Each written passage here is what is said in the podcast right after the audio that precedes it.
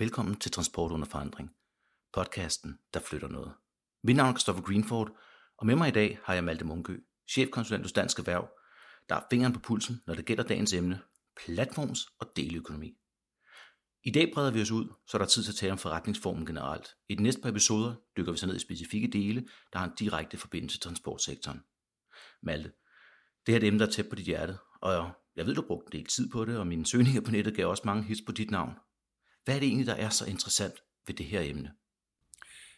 Når man ser på mange af de nye koncepter, som vi kalder deleøkonomi eller platformsøkonomi, er det meget tydeligt, at de ændrer ganske markant på den måde, nogle brancher, nogle erhverv fungerer på. De øh, kommer med nye idéer, nye måder at gøre tingene på. Og vi har også set, hvordan det har affødt en række debatter, blandt andet politiske debatter, om, hvordan skal vi se på de her nye koncepter, de her nye forretningsmodeller? Mm. Indebærer de et behov for, at man kigger på noget lovgivningsmæssigt, noget regulatorisk? Øh, er der nogle ting, øh, som vi skal overveje som samfund i forhold mm. til de her øh, nye koncepter? Er der nogle problemer, som gør, at vi ikke får udnyttet alle de muligheder, der er i den digitale verden? På den måde øh, er det meget afgørende at kigge på de her koncepter, samtidig med, at de også afspejler nogle bredere trends og mm. øh, udviklinger i forhold til hele den digitale udvikling, den digitale økonomi, som rykker rigtig meget, og mm. som måske i virkeligheden er noget af det, der i allerhøjeste grad definerer og ændrer hele vores samfund i ja. de her år.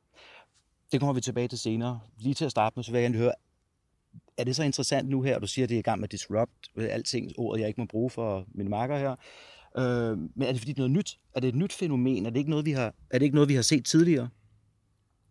Altså, vi har tidligere set nogle brancher, nogle erhverv ændre sig, ændre karakter, blive præget af ny teknologi. Det er åbenlyst. Mm. Men på vi... samme måde som her, altså når man siger dele af platform, som andre tænker, det er helt nyt. For eksempel øh, det, du fortalte mig før, Airbnb, som gik Airbnb. i i, øh, ja, i 2008. Altså var det først der, det her slog igennem, eller har vi set det egentlig tidligere, uden rigtigt at putte en label på det dengang? Man kan sige, det er ikke nyt, at ting forandrer sig. Det er ikke nyt, at ny teknologi ændrer nogle ting. Så i den forstand nej. Men de forandringer, vi ser nu, er præget af nogle platformsborgende muligheder, samtidig med, at nye digitale teknologier kommer i spil på en måde, der medfører meget hastige forandringer. Mm. Hvor man kan sige, øh, altså man diskuterer ofte, er forandringstempoet højere i dag end tidligere? Det er der nogen, der vil sige. Der er nogen, der snakker om eksponentiel vækst. Øh, det synes jeg kan være svært at sige. Jeg synes, det er svært at godt gøre, fordi vi har også tidligere set meget store teknologispring. Mm. Det vi i hvert fald kan konstatere, det er, at vi i de her år oplever en række nye koncepter, som mm. udnytter internettet på en helt ny måde. Altså internettet har jo været i spil i øh, nogle årtier i virkeligheden, men det er inden for en relativt kort årrække, at man har set de muligheder udfolde sig på forskellige områder i forskellige brancher. Herunder også øh, inden for det, man kan kalde platformsøkonomien eller deleøkonomien, hvor internettet bruges til at knytte folk sammen på nogle helt nye måder, hvilket åbner nogle helt nye forretningskoncepter, der ikke har været mulige realistiske tidligere. Mm. Altså tænk på Airbnb for eksempel. Ja. Man udlejer sin lejlighed øh, via en online platform. Man kender ikke personen, som man overlader nøglerne til. Man har, har en eller anden forventning om, at det nok skal gå. Ja. Øh, det er svært at forestille sig, hvordan den type udveksling skulle kunne fungere uden en online tilstedeværelse. Hvordan skulle man få kontakt til de her folk? Hvordan skulle man vide, de leder efter et sted? Og, så vi taler om det der i virkeligheden noget med informationsstrøm, noget med mulighederne, og så også fordi vi alle sammen render rundt med et eller andet modul, en mobiltelefon, en bærbar eller andet, der hurtigt kan finde ud af i forhold til, hvor jeg, du er. Jeg, jeg tror, vi skal lige gøre pointen færdig. Ja. Øh, altså, Airbnb er det her øh, koncept, der knytter folk sammen, og det gør man øh, internetbaseret.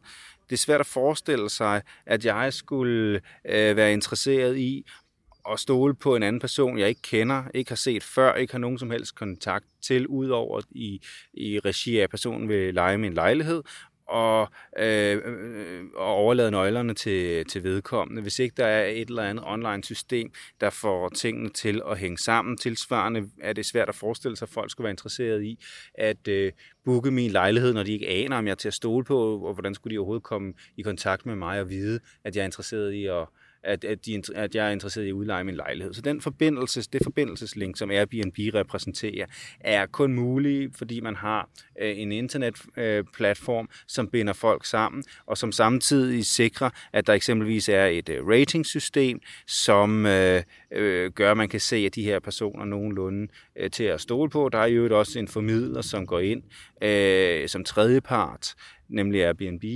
og blandt andet tilbageholder betalingen til man har sikret, at, øh, tingene er, som de skal være, og så videre. Så øh, deleøkonomien udnytter, de her deleøkonomiske koncepter, de udnytter øh, internettet på en ny måde til at skabe nogle nye forbindelser, nye informationsstrømme, men også at muliggøre nogle nye øh, økonomiske udvekslinger, som man ikke tidligere havde. Altså en af de ting, der er med et hotel i forhold til Airbnb, har jo været, at man øh, nogenlunde vidste, at de var der, det de lavede, det var, at de solgte værelser, og det var ret åbenlyst, man kunne kontakte dem omkring overnatning.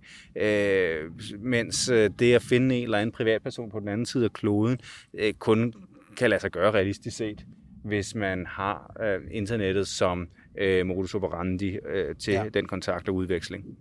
Okay. Øhm, noget helt andet så for lytterne her. Det er jo ikke alle, der er lige så meget inde i det, som jeg kan høre. Du er, Malte. Men det er at sige, vi bruger jo ordene deleøkonomi, og vi bruger platformsøkonomi, og jeg har set, der er meget palaver øh, omkring, hvad der er hvad. Og uden at dykke alt for langt ned i det, kan du give sådan en hurtig overview for lytterne til at sige, når de går herfra i dag og har hørt denne her, mm. så ved de, hvad forskellen er. Ja, det er en stor diskussion. Øh, jeg kommer til at tænke på, hvis jeg må starte der, øh, da jeg på et tidspunkt øh, var studerende og tog et fag om politik, om dansk politik, så var noget af det første, vores undervisere tænkte, at vi skulle vide, hvad et parti er. Ja. Og det læste vi lidt om og snakkede lidt om. Og øh, lederen, institutlederen, han havde skrevet den her artikel, jeg tror det var en kronik i politik, hvor han sagde, at et parti det er jo lidt ligesom en elefant. Det er svært rigtigt at beskrive. Det er noget med, at den har nogle ører, den har nogle stødtænder og en øh, lang næse, men det er svært sådan rigtigt at definere det. Men når man ser en, så er man altså ikke i tvivl. Jeg er ikke sikker på, at man kan sige det helt samme om deleøkonomien, at man slet ikke er i tvivl, men omvendt, så ved vi godt nogenlunde, hvad det er for nogle koncepter, vi har i spil. Hvad det er for nogle nye koncepter, som udnytter teknologi på en ny måde til at sætte folk i kontakt med hinanden. Noget af det, der ofte øh, bliver fremhævet som et gennemgående træk, det er, at der taler om det, man ofte kalder peer-to-peer udvekslinger, altså person-til-person borgerne udvekslinger. Der er en forskel mellem at gå hen til hotellet og booke et hotelværelse og gå ind på Airbnb og lege en eller andens øh, private lejlighed. Man kan diskutere, om den øh, forskel holder 100%, men det er i hvert fald meget det, man kigger på, når man snakker deleøkonomiske koncepter, at det er et eller andet, hvor man handler som privatperson med en anden privatperson. Så er der en hel masse juridiske diskussioner om, er man nu også privatperson? Men det, det, det er en anden snak, men det er meget der, øh, deleøkonomien starter som begreb.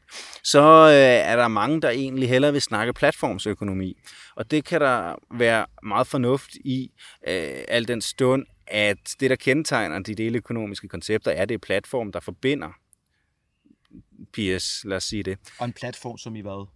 En platform er mange ting. Øh, tænk på øh, Airbnb, der forbinder en person, der gerne vil lege noget overnatning med en person, der gerne vil udleje sin ja. bolig. Tænk på øh, en platform som øh, YouTube, hvor en person, der har lavet et eller andet content, gerne vil dele det med andre og så videre. Og det er det, der er, når man snakker om platformsøkonomi, så er vi over i en, øh, i en bredere begrebsdannelse, fordi der findes et hav af platforme. Det er noget af det, vi har meget fokus på i forhold til nogle politiske debatter. Mm. Amazon, eBay, også eksempler på platforme. Man kan gå ind og sælge sine ting på laurits.com ja. og Den Blå Avis som nogle andre platforme. Alle sammen kendetegnet ved, at de er internetborgerne og forbinder en mulig køber eller udlejer med en mulig sælger eller lejer. Ja. Kan du komme med et par eksempler her og sige, altså, hvad, hvad vil ren deleøkonomi være? Når jeg tænker på det, mm. så vil jeg sige, det er, du og jeg, vi bor ved siden af hinanden. Jeg finder ud af, at jeg skal bruge en ny græslåmaskine. Så splitter vi om den, og så bruger vi den i lige og ulige uger henholdsvis hver. Det vel sådan den mest rene form, man kan sige. Men kan der også godt være mere økonomi i det? Ja, øh, et par pointer her. Mm.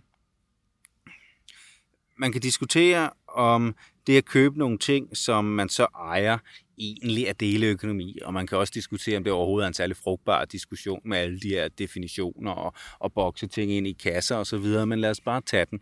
Så øh, det, at man ejer noget, som man øh, deles om, altså på samme måde, som man deles om opvasken i hjemmet, eller hvad ved jeg, det er deleøkonomi. Ofte forbinder man det mere med, at man bruger online-platform til at stille ting til rådighed for andre, når man ikke selv bruger det, Øh, det er lidt det, du snakker om der.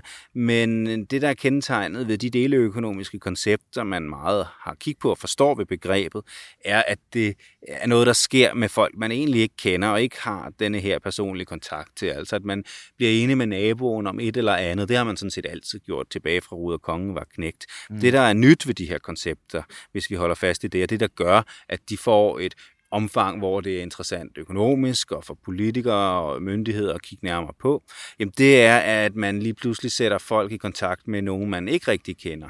Øh, og derved opnår det et helt nyt omfang, end det her med, at to naboer deles om en plæneklipper.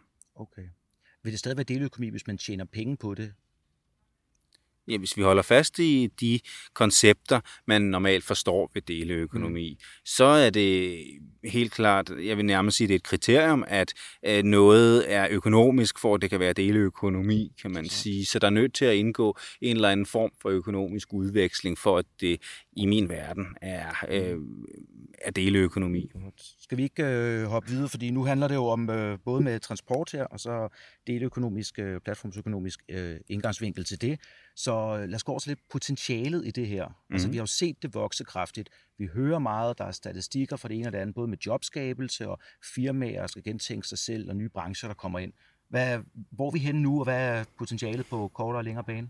Hvis vi ser på Danmarks Statistiks tal, som bliver indsamlet omkring brugen af deleøkonomi, så er det omkring hver femte dansker, der over en 12 måneders periode har anvendt en deleøkonomisk platform på den ene eller den anden måde, hvilket primært vil sige i forbindelse med overnatning og i forbindelse med persontransport.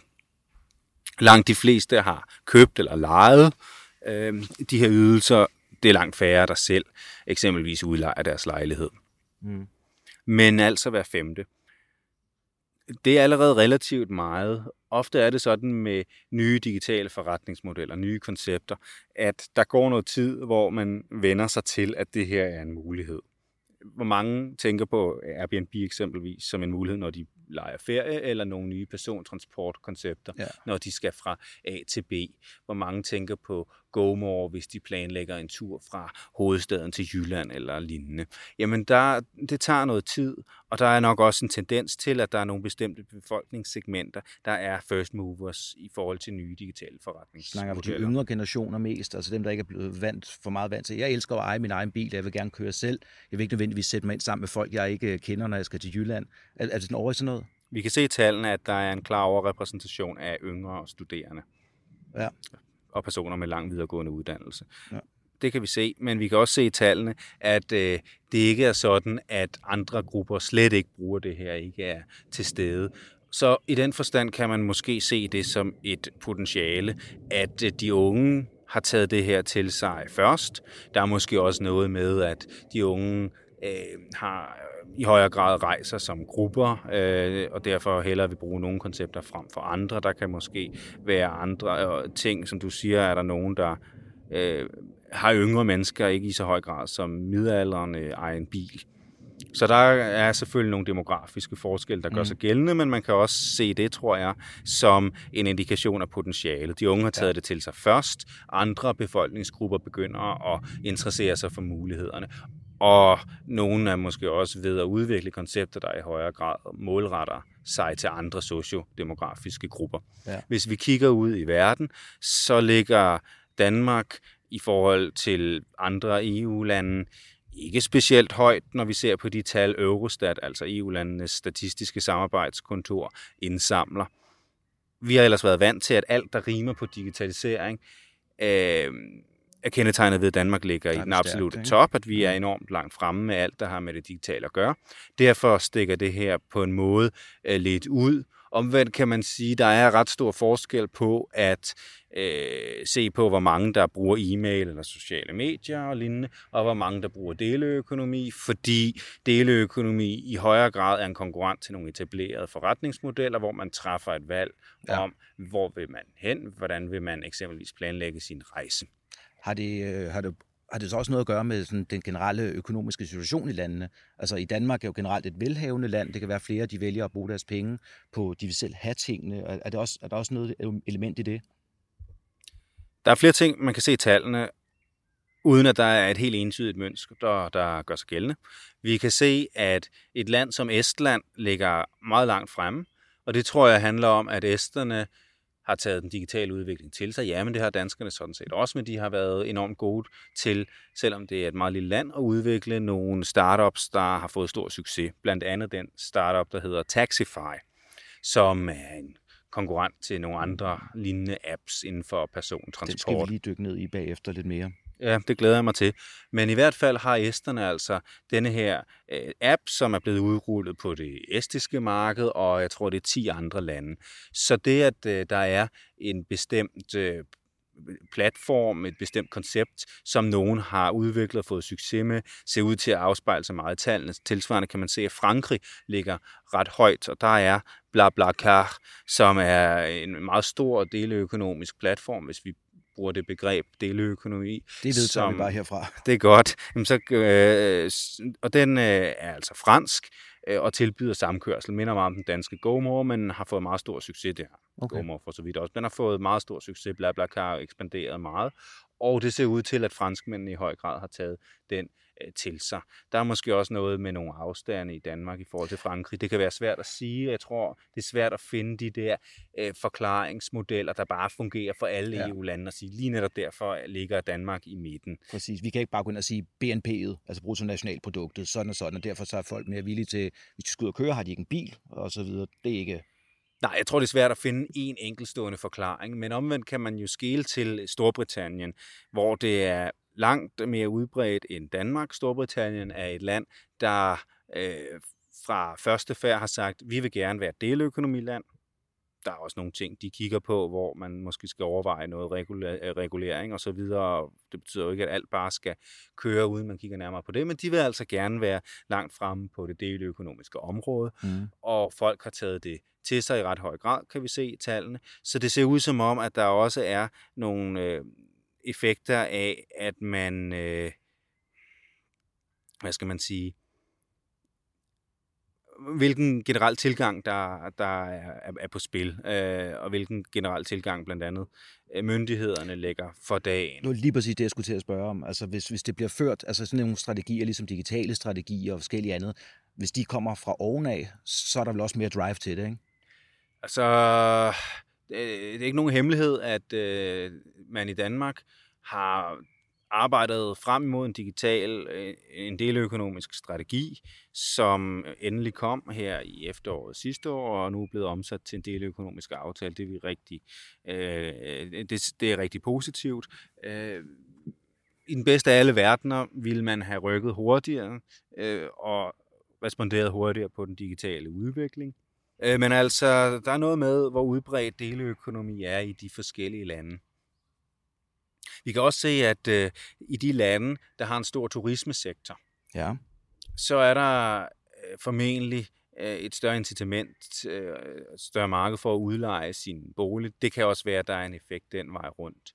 Der er måske også en større interesse for at gøre det, fordi der er et større flow af af mulige turister osv. Der er sikkert mange forklaringsmodeller, men tilbage står i hvert fald, at Danmark ikke er et land, hvor deleøkonomi bruges i sådan speciel høj øh, grad i forhold til andre EU-lande. Vi ligger vel sådan, sådan i midten, eller sådan noget lidt afhængig af, om man kigger på persontransport eller overnatning. Mm. Lige for at komme tilbage og holde vores, øh, få lidt transportfokus ind i det. Du nævnte det estiske taxa koncept. Taxify, ja. Taxify. Og hvad er det? Taxify er en app, ligesom øh, vi kender det fra vores telefon, og igennem den bestiller man en taxa, som kommer og henter en og kører en fra A til B. Det lyder ekstremt simpelt, mm-hmm. og er det vel også, og vi kender det måske også fra øh, eksempelvis øh, Uber, den her meget omtalte app, som gør det samme. Der var sådan en stor diskussion om, hvorvidt det var taxi, taxikørsel eller ej. Der er ikke nogen øh, tvivl om, at når man kalder sit firma for Taxify, så er det, fordi man har tænkt sig at bedrive taxakørsel. Det må man sige. Så det er altså en app, hvor man øh, som chauffør kan øh, sign op, og så kommer der ture ind, hvis der ellers er kunder øh, til det, og så fungerer det hele over appen. Kort fortalt. Og hvem er de chauffører, der kører der? Er det du og jeg i vores privatbil, eller? Ja, øh, ideen øh, har været med mange af de her apps, at de tillader folk at downloade appen. Så i udgangspunktet, ja, men det er jo sådan, at de fleste lande har regler for taxakørsel. Ja. Og det vil jo så afhænge af de forskellige regler, hvornår man kan komme til at, at køre taxa og så videre. Men selve infrastrukturen er i hvert fald sådan på den digitale side, at man kan få den her app, og så er man i gang. Ja. Okay. Øhm, det bringer mig lidt videre til en anden ting, som jeg ved, transportbranchen er meget, meget interesseret i her. Og øh, nu holder vi os til transport, øh, persontrans, persontransportdelen og holder os lidt væk fra gods. Det er Mobility as a Service, hvor at, øh, det er on demand, hurtigst muligt. Når du har behovet for at blive flyttet, så skal du kunne blive flyttet. Hvad, hvad tænker du om øh, det? Hvor langt, kommer vi, hvor langt er vi kommet frem mod det? Altså vi ser jo, øh, hvad hedder de, Green Mobility, der kører rundt med deres elektriske biler, og Arriva, der har øh, Drive Now og den slags ting. Kommer det til at blive mere udbredt? Jeg tror, at der er rigtig mange ting i den her verden, som bliver digitale i de her år. Folk vender sig til, at de kan have alle mulige tjenester i deres lomme på deres mobiltelefon, og det tror jeg i høj grad også, vi ser, og vi i stigende grad vil se inden for persontransporten. Det tror jeg, der er en meget stor efterspørgsel efter. Og vi kan også se, at taxabranchen har innoveret og begyndt at introducere forskellige digitale løsninger, mm. app-tjenester og lignende. Så det tror jeg helt klart svaret vil være ja til. Spørgsmålet er også, hvor mange nye koncepter øh, kan man rulle ud, som vi ikke har set endnu. Fordi det, vi har set i meget høj grad, har været øh, noget, vi godt kender, nemlig taxakørsel, ja. som er blevet gjort digitalt via en platform. Præcis. Og det har ændret meget og været interessant at se, fordi forbrugere kan generelt godt lide en god infrastruktur, en god digital infrastruktur. Mm. Øh, men omvendt er der jo også mange andre områder, blandt andet inden for transportsektoren, der ikke i så høj grad er blevet berørt af det indtil nu. Ja. Hvor noget af det, man har talt meget om, har meget kig på, det er ikke persontransporten som sådan, men snarere godstransporten kan man øh, gøre noget lignende, bruge platforme til at facilitere transport, øh, reducere øh, spildplads i diverse transporter og lignende. Ja. Det er meget interessant. Desuden kan man sige, at persontransport er ikke bare persontransport. Nu har der været meget øh, fokus på, skal vi sige, taxakørsel, men der er jo også forskellige andre typer persontransport herunder, altså handicapkørsel, eller simpelthen det, at jeg som privatperson måske lige skal have hentet en pakke ved posten, eller jeg bor på landet, og kunne godt tænke mig at få et par liter mælk og øh, et halvt kilo hakket oksekød med hjem. Øhm, spørgsmålet, er, eller når jeg bestiller fast food, skal jeg have det hentet og bragt. Vi ser eksempelvis et firma som Uber, som mest er kendt for en app, der og en, en, kan man sige, en infrastruktur bag, som man kan sidestille med taxakørsel. Det er det jo blevet ved lov, kan man sige, efter ja. der er kørt nogle sager om det. Øh, men Uber Eats er et andet koncept, de har, hvor folk downloader appen, og så henter og bringer de mad fra diverse restauranter ud til kunder, der gerne vil have noget mad. Fast food, vi kender det fra fast food, hvor man kan ringe efter en pizza, så kommer pizzabudet med det, mm. men i mm. virkeligheden så åbner det her koncept op for, den her type koncepter, skulle jeg snart sige op for, at man kan kontakte i princippet jo en hver butik eller en hver restaurant og få bragt et eller andet til ja. sig. Og der kan jeg jo se, altså nu kommer vi også ind på den anden ting med ressourceudnyttelse. For der er rigtig mange ressourcer. Altså for eksempel din private bil, som man siger, hvad er det, 95 procent af tiden står den stille, eller hvad det nu plejer at sige. Eller at, øh, at du skal have bragt øh, pizzaen ud, men hvis der er ham, der kører fra det ene pizzeria, måske kører forbi to andre pizzerier til med, så vil det være bedre givet ud. Så det er den form for platform, du snakker om med at sige, vi skal sørge for, at kapaciteten bliver udnyttet, så der er ikke noget, der går til spil. Og der er jo mange andre gode effekter, grønne effekter og alt sådan noget også. Ja, det er en meget interessant pointe. Lad os snakke lidt om det, det her øh, grønne. Fordi øh, du har helt ret, at der er mange, der ser på deleøkonomi øh, som noget, der kan give positive miljøeffekter. Og det tror jeg, der er meget om, selvom man også skal huske på den anden side af det. I den forstand, at hvis jeg kan lade, kan bruge min bil til at tjene penge på. Jeg kan måske udleje den, eller jeg kan selv fungere som chauffør via en deleøkonomi-app, en app. Øh, så bliver det mere attraktivt for mig at have en bil. Man kan se at i nogle lande, hvor eksempelvis Uber er meget udbredt, at der er rigtig mange, som har købt dyre, fine biler, og så ligger de og kører rigtig meget Uber-chauffør. Så øh, spørgsmålet er om efterspørgselen efter bilisme, efter persontransport i bil ikke også stiger. Jo. Og det bliver også øh, måske, hvis, hvis vi antager, at forbrugerne synes, det her er nogle interessante koncepter, de gerne vil bruge mere, så, så stiger efterspørgselen efter at blive transporteret i bil. Jo også tilsvarende. Der kan også være nogen, der flytter sig fra at tage bussen til at tage en, øh, en GoMore-tur eller lignende. Så jeg mener ikke, man bare kan sige entydigt, især ikke inden for transportområdet, som er det, der er fokus i den her podcast, at deleøkonomi nødvendigvis vil have positive miljøeffekter. Det er ja. klart, at hvis der er fire, der kører i en bil i stedet for et, øh, en person, øh, og hver person så tager den samme tur i hver deres bil, så er der en effekt, ja. ligesom man har snakket meget om carpool. ingen af dem havde taget det ellers. Ja, eller at de havde taget bussen i stedet for, ja. og så videre.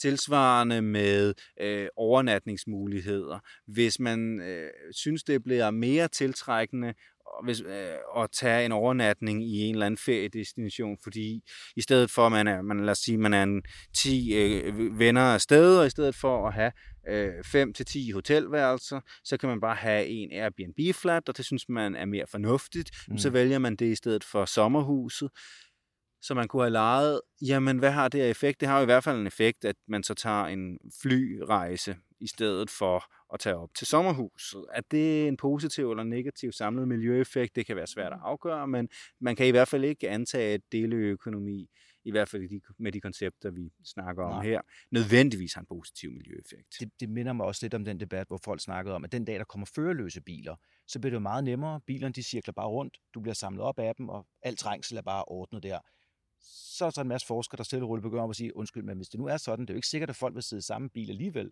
I virkeligheden får vi ikke bare flere biler på gaden, for nu alle, der ikke plejer at køre, de går ind og bestiller den her førerløs bil og bliver flyttet et andet sted hen. Er vi ikke bare i gang med at skabe en, en ny udfordring for os selv? Ja, plus at man formentlig flytter folk fra noget kollektiv transport over i biltransport. Og det kan være fornuftigt på mange måder. Det kan man diskutere, det kan man skrive lange analyser omkring, men øh, vi er i hvert fald et sted, hvor vi må sige, man kan ikke bare entydigt sige, at miljøeffekten vil være positiv ved de her koncepter. Nej. Det er simpelthen mere komplekst end som så. Jamen, jeg er enig med dig. Også hvis jeg får en app, hvor jeg får en stor valgmulighed, så tænker man, skal jeg bestille ham, der kommer i elbilen, eller skal jeg bestille ham der med den store fede BMW eller Mercedes, der kører 5 km på literen. Ved du hvad, jeg treater lige mig selv, og så hopper jeg ind i den, der forurener så meget mere. Og den bil har jo ikke været at køre ellers. Så det, jeg, jeg, jeg, jeg kan kun være enig med dig. Det kommer, der kan komme nogle positive effekter, men jeg tror, vi skal arbejde lidt mere på det. Det ja, ikke af sig selv. Jeg tror, dit eksempel er meget personbordet, men øh, konklusionen er nok den samme. ja, lige præcis. Godt. Nu har vi lige snakket lidt, af, lidt om udfordringen i det her, ikke? og det sidste, det var med, med sikkerhed, og vi siger, der er ved at blive lavet nogle aftaler omkring alle de her ting. Men hvor meget kan man rent faktisk forlange af dem, der stiller platformene til rådighed? Altså, hvor meget kontrol har de reelt over deres produkt? Altså et af de helt store spørgsmål omkring platformer og platformsøkonomi osv., det er, hvordan og hvorledes det forholder sig med denne her formidlerrolle. Mm. Fordi en platform gør det, de forbinder nogen. De forbinder en person, som køber noget, til en person, der sælger noget. Ja, de er den mellemleder af en eller anden art. Ja, det er en formidler, det er den mellemleder. Ja. Og man ser forskellige roller. Der er forskel på at være eBay, og så er der en eller anden person, der opretter en konto og sætter et eller andet til salg på eBay, så kan folk ved at købe den her ting. Ja. Det kan være, der er en auktion, det kan være, det bare bliver solgt til prisen, men det er i hvert fald øh, noget andet, end hvis vi tager det, man måske kunne kalde det andet yderpunkt, som er en app eller Uber, hvor øh, brugeren, som er chauffør, får at vide af Uber-appen, hvor vedkommende skal køre hen, og Uber-appen sætter altså også prisen. Så der er altså forskellige typer formidlerrelationer, hvor denne her platform, denne her formidler, øh, spiller en rolle, en vigtig rolle, men en lidt forskellig artet rolle. Så er spørgsmålet, jamen, hvilket ansvar kan man forvente over for platformen? Det er selvfølgelig et spørgsmål, man både kan se på sådan som almindelig forbruger. Mm. Hvad synes jeg egentlig vil være rimeligt, hvad vi er forvente? Men i sidste ende måske også et spørgsmål, man snarere skal se på juridisk, fordi det er jo sådan den slags virker. Der er jo rent faktisk nogle regler, og faktisk ja. diskuterer man ret meget i de her tider om de regler, der findes, skal justeres øh, på forskellige vis. Det ender det nok med, men det er en større diskussion. Ja, nu er du jurist, Christoffer, men ja. vi prøver at holde juristeriet ja, det på tror jeg, det bliver nørdet. minimum her. det tror jeg også, det gør. Men jeg, tænker faktisk også, når, når du så begynder at, at regulere det her, hvor langt man kan gå forstået på den måde, at de der forretninger, der stiller de her platforme til rådighed, hvis det bliver et meget vidtgående ansvar, så er det jo nærmest umuligt at lave en økonomisk struktur, en sikkerhedsstruktur omkring sit firma. Altså, hvordan skal man så bygge det op, hvis du får et meget stort ansvar for folk, du virkelig ikke har, har fat på? Så man skal også passe på, at man ikke får det til at dø ud. Ja, det er, kan man sige, en mulighed, der foreligger, at hvis man øh, ikke har et eller andet andet ansvar som formidler, ja end det ansvar, man har som egentlig sælger, ja. så er det svært at se mange af de her koncepter fungere i den form, vi kender dem i dag. Ja. Øh, hvis, øh, øh, hvis, lad os sige, hvis eBay har 100% ansvaret for den vare, der bliver solgt, øh, og de ved ikke, øh, hvad det er for en vare, den lovlig lever op til sikkerhedskravene osv., Nej. Øh, jamen, så er det svært at fungere som eBay, men omvendt kan man også sige, måske ønsker man ikke, at det her bare kan øh, fungere uden, at der rent faktisk bliver tjekket op på de her ting. Så der er jo også nogle vanskelige valg, man træffer denne her vej rundt. Øh, men der, hvor man er landet, er, at man har en formidlerrolle, som altså er lidt anderledes end at være den egentlige sælger, ja. men det betyder ikke nødvendigvis, at der ikke er noget ansvar, som følger med. Præcis. Øh, og det har man også set, altså for eksempel i en meget afgørende øh, juridisk sag, nu lovede vi, vi ikke, vi tager alt for meget juristeri. Ja, vi, vi tager den, vi tager, vi tager ingen lige, paragrafer, men bare overall. Ja, ja, der, der havde man netop eBay, som blev brugt til at forhandle nogle varer, som var ulovlige kopiprodukter. Okay. Konkret var det nogle skønhedscremer fra L'Oreal. Det ja. var jo så ikke fra L'Oreal, men det foregav at være fra ja. L'Oreal. Og i udgangspunktet mente uh, eBay ikke, de havde noget sådan nærmere ansvar for det. Så uh, blev der kørt en sag, hvor man uh, forsøgte at, at gøre dem ansvarlige, altså L'Oreal versus eBay-sagen. Ja. Og eBay sagde, vi er jo en platform, så er der en eller anden, der har uploadet det. Det er vi kede af, men det er jo egentlig ikke vores ansvar.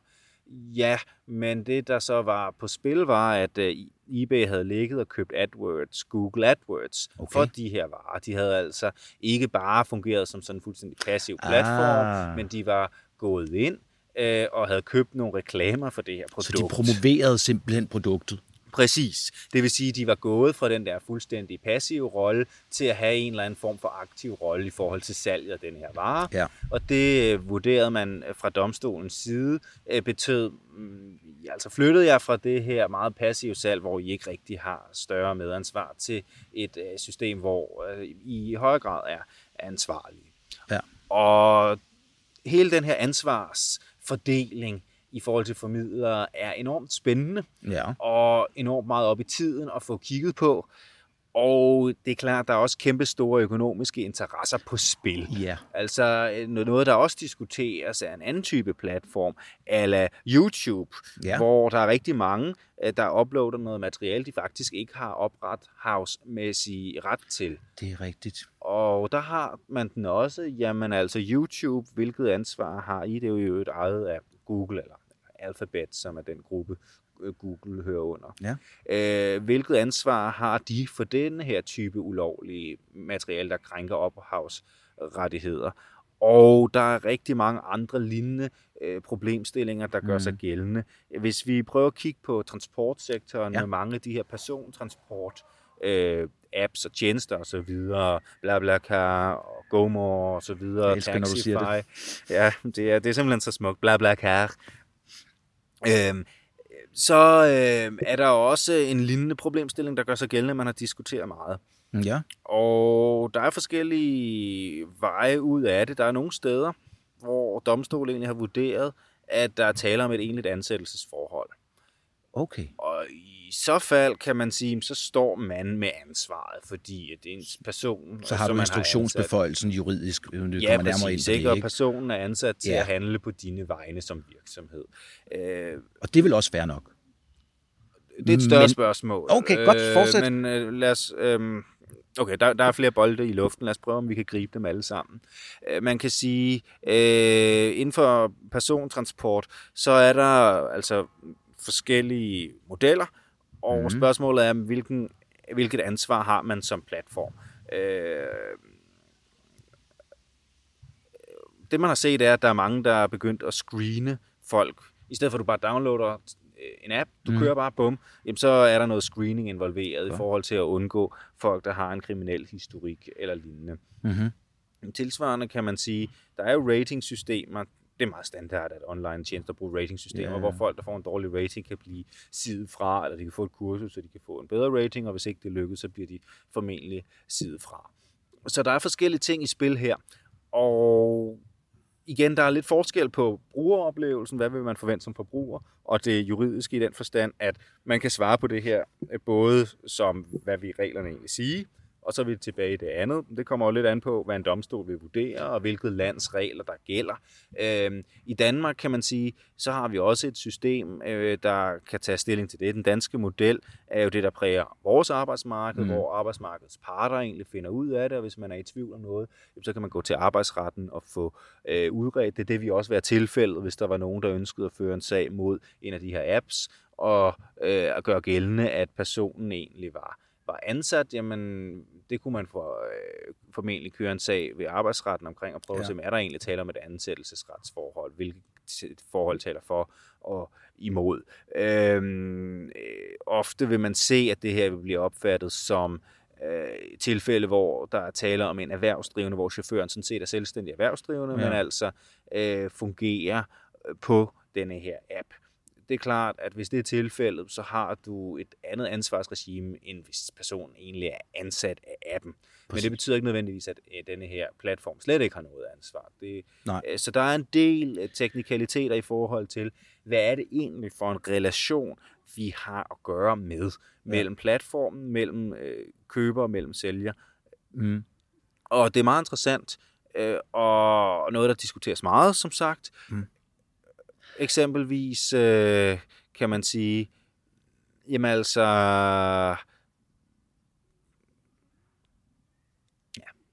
Okay. Øh, når du siger det her, så tænk, hører jeg, det er meget med en grænsedragning. Det er meget med noget levende, fordi vi er i gang med at se på det. Vi har loven, der er lavet til én ting, nu ser vi noget nyt herinde. Og det er vel også det, man har taget op i forhold til den deleøkonomiske strategi og aftale.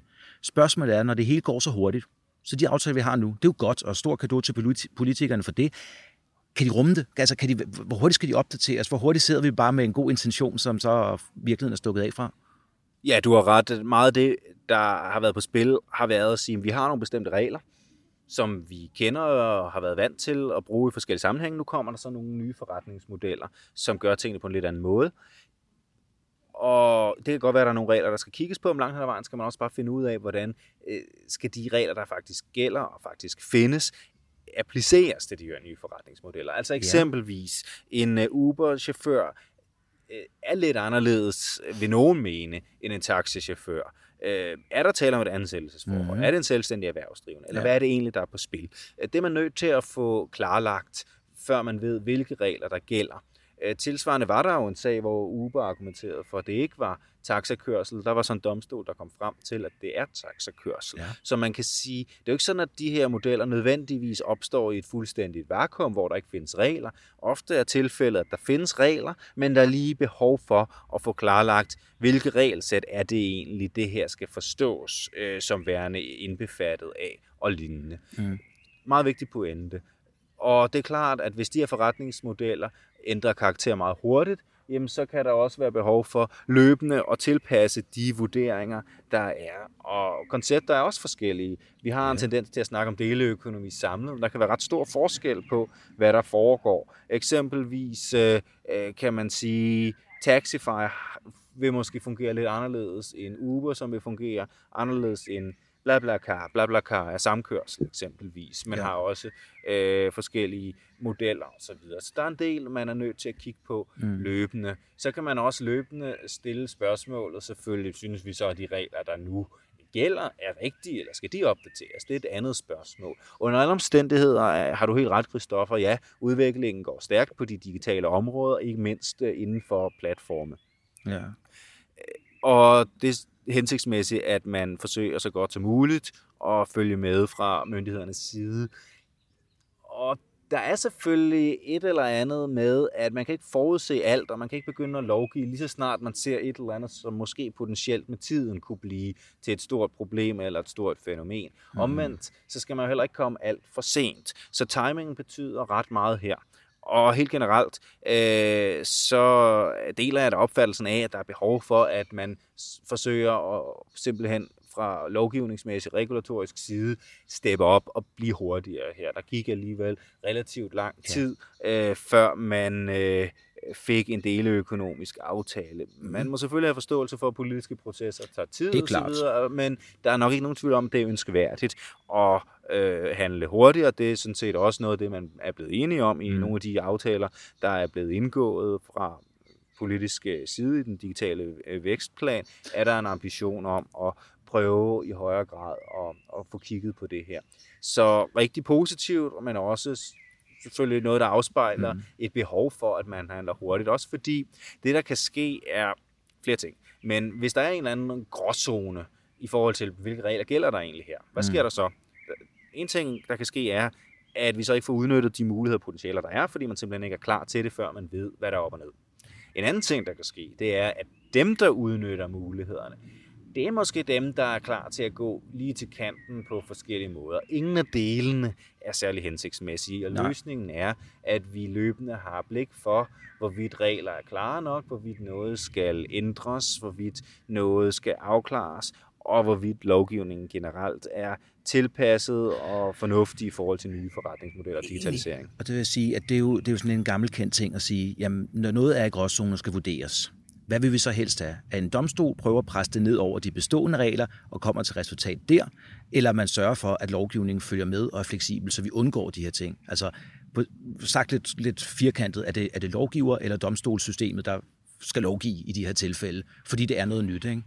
Så tænker jeg også, vil det hjælpe, at altså, den der strategi, vi nu har, den aftale, vi nu har, skal den løbende revideres? Er det vejen frem, eller skal vi sige, nu ligger den egentlig meget godt nogle år, nu vil vi bare se nogle konsekvenser af den, hvis nogle action fra politisk hold på den?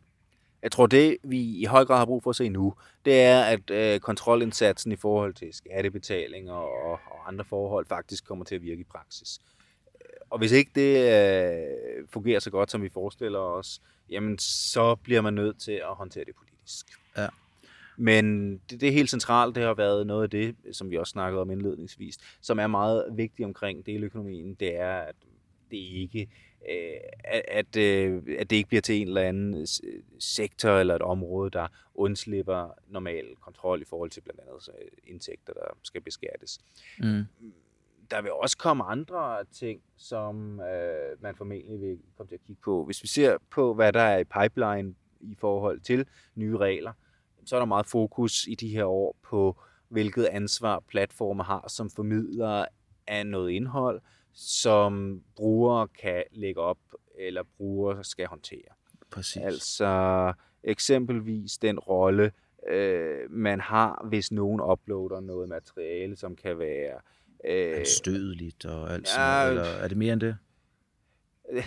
meget interessant debat, og meget fint, at du hiver fat i den, fordi man kan sige, der er noget, som er ulovligt. Er det Ja. ulovligt, at noget er anstødeligt? Nej, det er det ikke. Mm-hmm. Men hvornår er noget ulovligt i stedet for blot anstødeligt? Det er noget, der kan variere. Altså tyskerne har eksempelvis øh, nogle regler om, øh, noget, der, der skete i 40'erne og så videre, øh, i forhold til, at, øh, som er forbudt på en måde, der egentlig ikke er det i, i Danmark.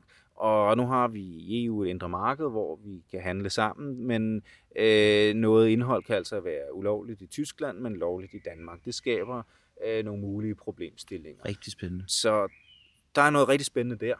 Og mere generelt kan man sige, så platform, hvis du tager for eksempel sociale medier, so, øh, Twitter, Facebook, Mm. YouTube, hvad de ellers hedder, jamen, hvilket ansvar har de her for eksempelvis uh, fake news, eksempelvis uh, materiale, der er ulovlig opfordring til terror eller sådan noget. De har helt klart et ansvar for at tage det ned, så snart de bliver opmærksomme på Det er klart. Det er klart. Men skal de opsøge det lige frem og undersøge det? Det er det, ikke? Fordi noget af det, der er- på vej, øh, Ja. vil formentlig øh, ende med at øh, komme øh, at opstille nogle udvidede krav om, at man opererer med sådan nogle automatiske algoritmer, der Mhm. mm-hmm. identificerer ulovligt materiale før eller i det sekund, det bliver, bliver uploadet. Øh, og det, man er ved at bygge op, er i virkeligheden en ny regulatorisk arkitektur for platforme og for formidlere, hvor man kommer til at blive mødt med flere krav om at sørge for, at økosystemet fungerer. Altså, der ikke ligger en hel masse ulovligt indhold på ens Rigtigt. sites. Øh, Så der sker nogle rigtig interessante ting i, i den forstand. Nu kan man sige, nu er vores podcast meget fokuseret på transportområdet, men Det er, det klart, er jo altid vi, rart at- vi, vi, vi tager de nødvendige tangenter, ikke? fordi altså, det, det er jo interessant at høre i det her, og også virkelig tilbage til den med anstødelig, jeg lige smed ud der før. Ikke? Der er jo også det, hvornår kommer vi ind og leger noget, nogle, får vi noget ytringsfrihed udfordringer, og du siger, at forskellige lande har forskellige. Vi er et EU, men øh, der er visse symboler, for eksempel, du nok ikke skal uploade nogle steder i Tyskland. Hvorimod i Danmark vil vi måske nogen bare lave en lidt en storm imod det. Dernede er det stedet ulovligt. Altså, hvor, hvor, hvor skal vi have de grænser henne der? For det skal jo heller ikke være sådan, så, vi har, øh, så der bliver smagspoliti. over Nej, og man kan sige, at hvis du er en platform, der har et øh, ret øh, omfattende ansvar for, at det materiale, der ligger på, på din site, er lovligt. Hvad gør du så? Jamen, hvis du er i tvivl, så fjerner du det nok. Ja.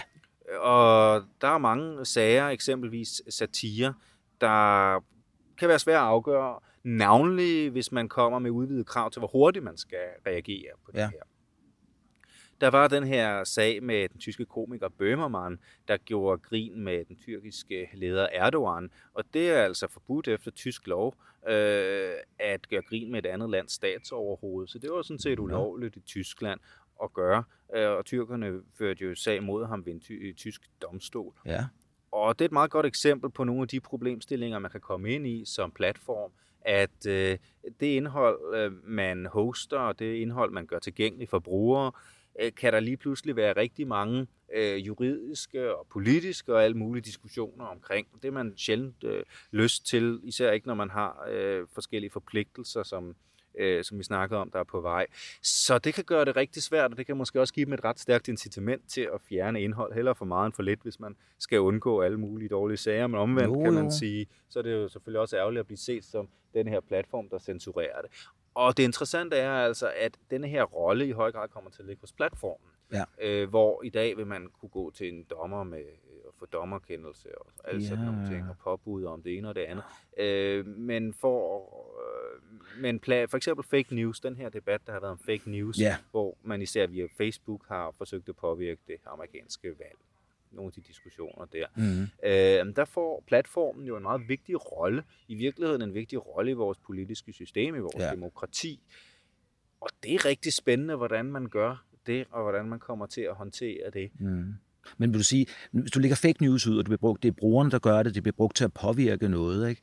det er vel ikke decideret ulovligt, eller har jeg for lidt jurist tilbage i mig til at, til at vurdere det? Og, det? og den anden er også, når du så fjerner det, altså hele ytringsfrihedsspørgsmålet. Jeg vil da heller ikke være den platform, som sagde, jeg vil være først mulig på at fjerne det hele. Hvis jeg er det mindste i tvivl, så ryger det ud. Så lige pludselig ryger du i nogle ytringsfrihedsudfordringer øh, udfordringer i det her. Det er jo et nyt ansvar, du lige pludselig har fået.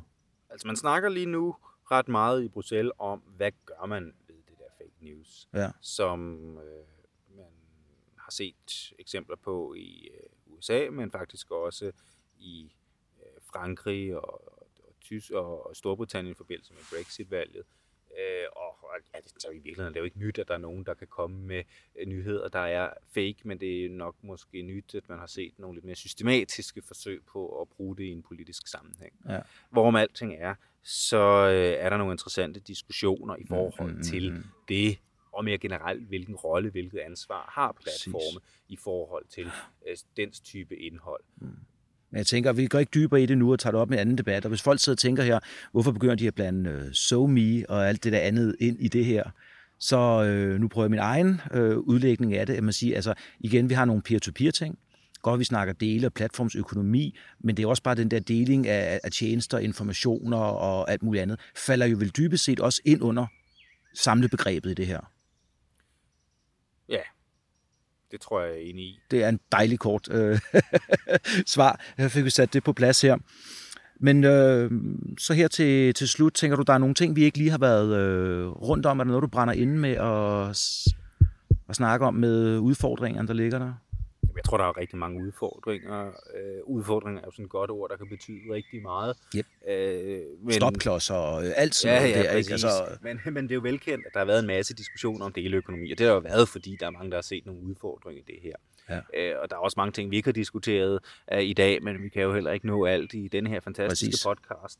Uh, hvis vi lige afslutningsvis skal zoome ind på transporterhvervet igen, ja. uh, så er det jo rigtig spændende at se, uh, hvad der kommer til at ske, hvad der er på vej. Der er nogle koncepter, der har haft succes ved at tilbyde øh, biludlejning, hvor man kan udleje sin bil igennem. Der er nogen, der har tilbudt samkørsel, der er nogen, der har tilbudt øh, alternative typer taxaydelser, hvor man altså ikke handler med et stort firma, men hvor princippet det er sådan noget, man kan diskutere og så, så videre, men, men hvor konceptet er gået meget på, øh, det er den selvstændige erhvervsdrivende selv, der så kommer i kontakt med kunden via en app og så videre. Så der er rigtig rigtigt. mange interessante... Ja. Og smågods, og som du også var inde på tidligere ja. i første del med kapacitetsstyring, deling mellem firmaer. Altså meget af det, vi har talt om, har jo været deling mellem egentlig noget, der er privatpersoner, hvor den ene måske grænser til at være erhvervsdrivende, det er den der skæld, man lige skal trække, men inden for erhvervet, og det er jo også en ting, man kommer ind på en anden dag, der er jo også meget af det her, fordi der er jo god altså dybest set ressourcestyring kan du få noget ud af, i hvert fald i, i, i alle de her ting. Ikke?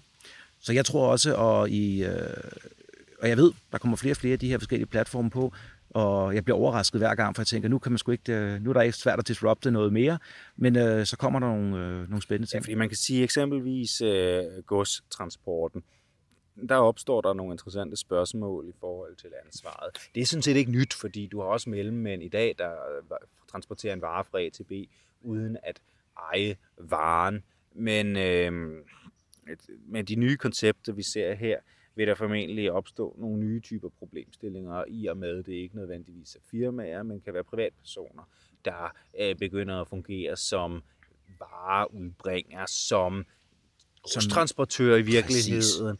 Øh, og mange af de regler, det setup, vi har, det vi har været vant til, har været, at virksomheder gør det virksomheder, der eksempelvis har en forsikring, virksomheder, der er dækket af forskellige lov øh, i en bestemt branche. En privatperson er jo ikke en branche nødvendigvis, Nej. men kan være det, kan fungere som erhvervsdrivende.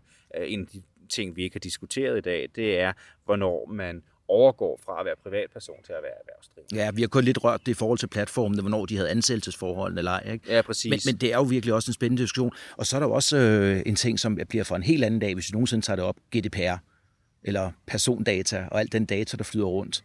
Der er noget med øh, tavshedsting, og noget med kundedata, der kan flyde rundt og alt muligt andet.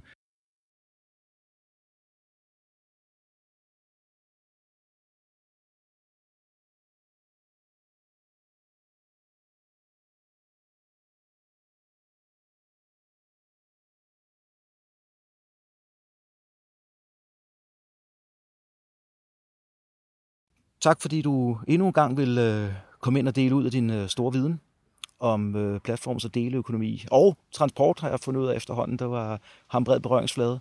Og jeg glæder mig til at have dig i studiet igen til et af de mange emner, der ligger og venter på os forud.